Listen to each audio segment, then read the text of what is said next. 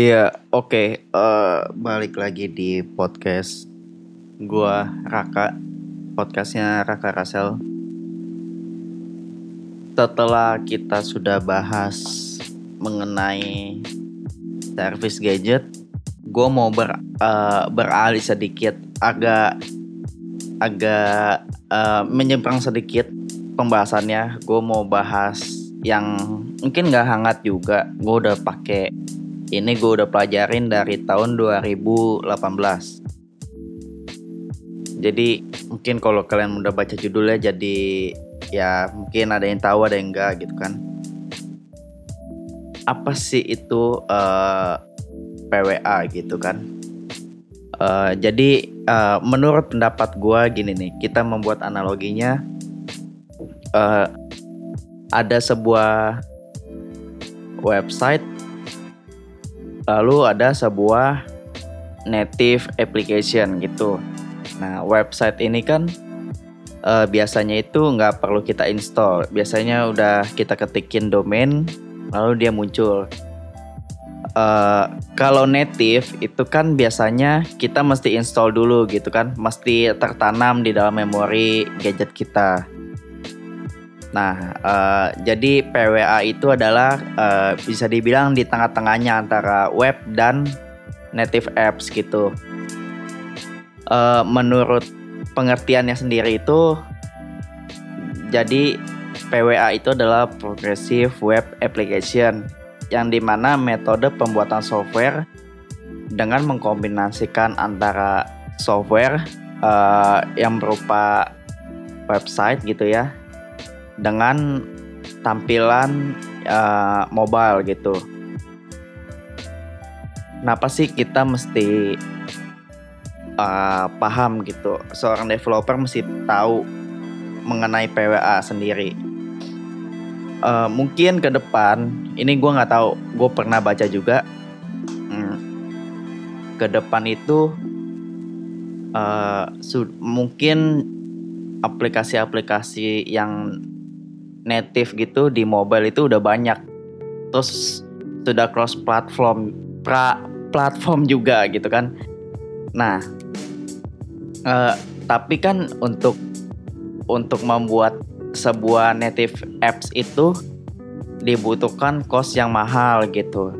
Jadi untuk para hmm, pebisnis atau para pelaku usaha yang masih awal-awal gitu ya kayaknya agak agak uh, sayang gitu untuk mengeluarkan cost terlalu banyak uh, untuk digunakan di native untuk pembuatan di native apps gitu kan. Uh, mungkin bisa aja gitu langsung native apps tapi kan kita nggak tahu uh, si user itu nanti gimana engagementnya mengenai aplikasi kita gitu kan. Dan juga uh, mungkin kalau membuat native apps itu uh, mesti beberapa apa ya maksud gue tuh kayak mesti ada yang uh, kontrol terus gitu ya menurut gue tapi dengan adanya PWA ini kita tuh cukup satu platform uh, di website gitu kan dengan programmer, desainer, mungkin dari digital marketing buat analitiknya gitu kan. Dan juga kelebihannya itu kita nggak perlu untuk melakukan upload ke App Store ataupun Play Store gitu kan. Itu kelebihannya dan juga uh, kalau kalian yang udah pernah nyoba uh, eh, PWA gitu ya kayak di Twitter, Twitter itu juga ada PWA-nya. Dia biasanya itu bakal munculin uh, kayak at home at to home screen gitu loh. Jadi semua orang akan menganggapnya oh ini kayak aplikasi gitu padahal cuma website doang gitu. Nah, coba uh, eh, gue punya satu artikel dari softwareseni.co.id gitu ya. Uh, ini ada keuntungan PWA sendiri gitu kan dia juga ngambil resource dari Google di event I.O. 2017 ada keuntungan jika kalau jika mengembangkan PWA ini yaitu reliable, fast dan engaging gitu kan. Reliable itu apa sih? Itu kan reliable itu memungkinkan untuk bisa mempersingkat uh, loading time pada tiap halaman apps gitu kan. Uh, mengingat itu sesuatu apa si user itu biasanya mempunyai atensi itu dalam melihat website itu, halaman website itu hanya tiga detik.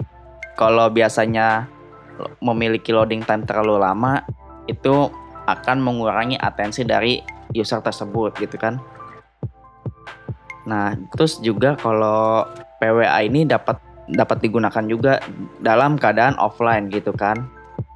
Kenapa bisa dikatakan uh, bisa dipakai di pada saat offline karena si PWA ini menggunakan salah satu metode yang disebut itu service worker yang fungsinya itu menyimpan data-data yang pernah masuk ke dalam perangkat gitu kan. Sehingga pada saat uh, pengguna itu buka website itu uh, pada saat keadaannya offline si service worker ini dapat tetap nampilin gitu kan data yang pernah diakses oleh user kalau simpelnya itu ada chatnya itu ada chats di dalam PWH itu sendiri gitu kan. Nah, terus uh, kategori selanjutnya itu cepat gitu kan. Kenapa PWA bisa dibilang cepat? Uh, karena PWA ini uh, punya resource yang hemat gitu kan dari segi interface itu interface itu udah mirip banget walaupun belum native banget tapi sudah hampir setara dengan native apps gitu kan. Nah, terus uh, lalu ada engaging. Engaging itu kayak kalau di sini itu intinya dengan pembuatan aplikasi menggunakan PWA ini user itu akan sulit gitu membedakan mana yang native, mana yang PWA. Karena uh, kalau kita udah pakai PWA nih itu bakal berasanya kayak native gitu padahal PWA itu bukan native gitu kan nah, terus dari segi uh, eh, DM-nya sendiri digital marketingnya PWA itu termasuk uh, bagus juga dari SEO-nya. Nah, apalagi nih di sini masih banyak lagi gitu kan artikel-artikel PWA gitu. Nah, gue juga mau bahas kenapa kita mesti mempelajari PWA untuk uh, eh, UMKM Indonesia. Karena uh, eh, PWA sendiri yang tadi gue bilang itu PWA itu low cost. Jadi uh, kita para penggiat usaha kecil dan menengah uh, bak bakalan punya cost yang lebih hemat lagi gitu loh. Kalau kita mengembangkan PWA dan juga bisa berjalan di semua uh, gadget itu lebih bagus lagi kan. Nah terus juga uh, kalau kita ngembangin PWA buat UMKM itu tuh kita nggak ribet buat ngurusin upload ke Play Store sama App Store-nya Oke, tadi gue udah, udah bahas juga. Lalu, nah uh, tetap semua kelebihan itu ada kekurangannya. Uh, ke, salah satu kekurangannya yang menurut gue kelihatan banget itu uh, eh, PWA itu belum support atau sudah tidak support lagi pada iPhone lawas gitu kan. Pengguna Apple ini pasti nggak bakal bisa lagi karena PWA itu belum support di iOS 11 ke bawah. Tapi kalau yang udah iOS 12, 13 dan seterusnya itu itu PWA udah support banget gitu loh. Nah, terus uh, kesimpulan dari PWA sendiri itu eh, PWA itu kan merupakan metode pembuatan aplikasi yang memanfaatkan website sebagai uh, web uh, basis pengembangannya gitu kan. Gampang itu PWA ini cara membuat aplikasi dengan mengkombinasikan website biasa dengan aplikasi native gitu kan. Dengan PWA sendiri, user itu akan merasakan uh, apa sih kayak native gitu loh. Padahal itu bukan native gitu kan. Terus uh, kesimpulan selanjutnya kalau kita mengembangkan PWA sendiri, PWA itu bakal uh, hemat dalam penggunaan data karena data-data itu akan kesimpannya dalam bentuk chats gitu kan. Uh, lalu untuk selanjutnya PWA itu dikembangkannya pakai apa sih? Nah di sini gue udah lihat uh, kebanyakan atau yang gue pelajarin sendiri PWA itu uh, belajarnya itu menggunakan JavaScript karena basis penyimpanannya itu JSON.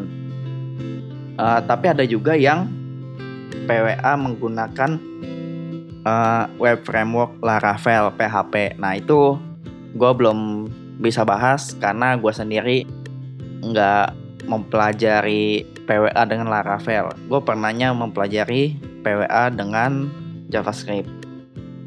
Oke, sekian dulu uh, podcast kali ini.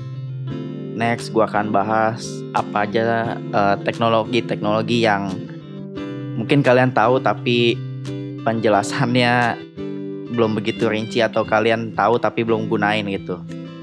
Oke, selamat mendengarkan podcast podcast yang lainnya dari gua. Jangan lupa kalau kalian dengar ini kalian juga bisa share ke instastory kalian biar podcast ini tuh terus mendapatkan ide-ide gitu kan biar guanya juga terus mikir untuk konten-konten ke depannya. Terima kasih.